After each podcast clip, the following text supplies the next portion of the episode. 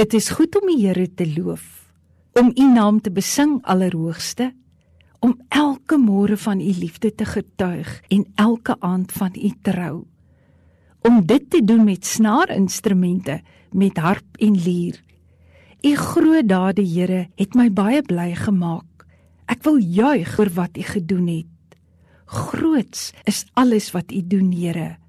Ondeurgrondelik U gedagtes. Wie dit nie besef nie, is 'n dom mens.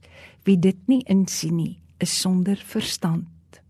So sê die psalmdigter van Psalm 92 en ons het nou hier vers 1 tot 7 gelees. Die wonderlike groots is alles wat u doen, wie dit nie besef nie, wie dit nie insien nie. Hierdie gesindheid of hierdie kenmerk om voortdurend lof aan God te bring, om die Here te loof en prys. Is dit nie iets wat die bestaan van elke kind van God moet kenmerk nie? In 'n samelewing waarin mense geglo het dat voorspoed en 'n lang lewe tekens van God se goedkeuring vir jou lewe is, was dit vir gelowiges belangrik dat dit met hulle goed gaan. As ons dink aan ons eie lewens, aan ons samelewing, Ons het oorgenoeg rede om die Here elke môre en elke aand te loop.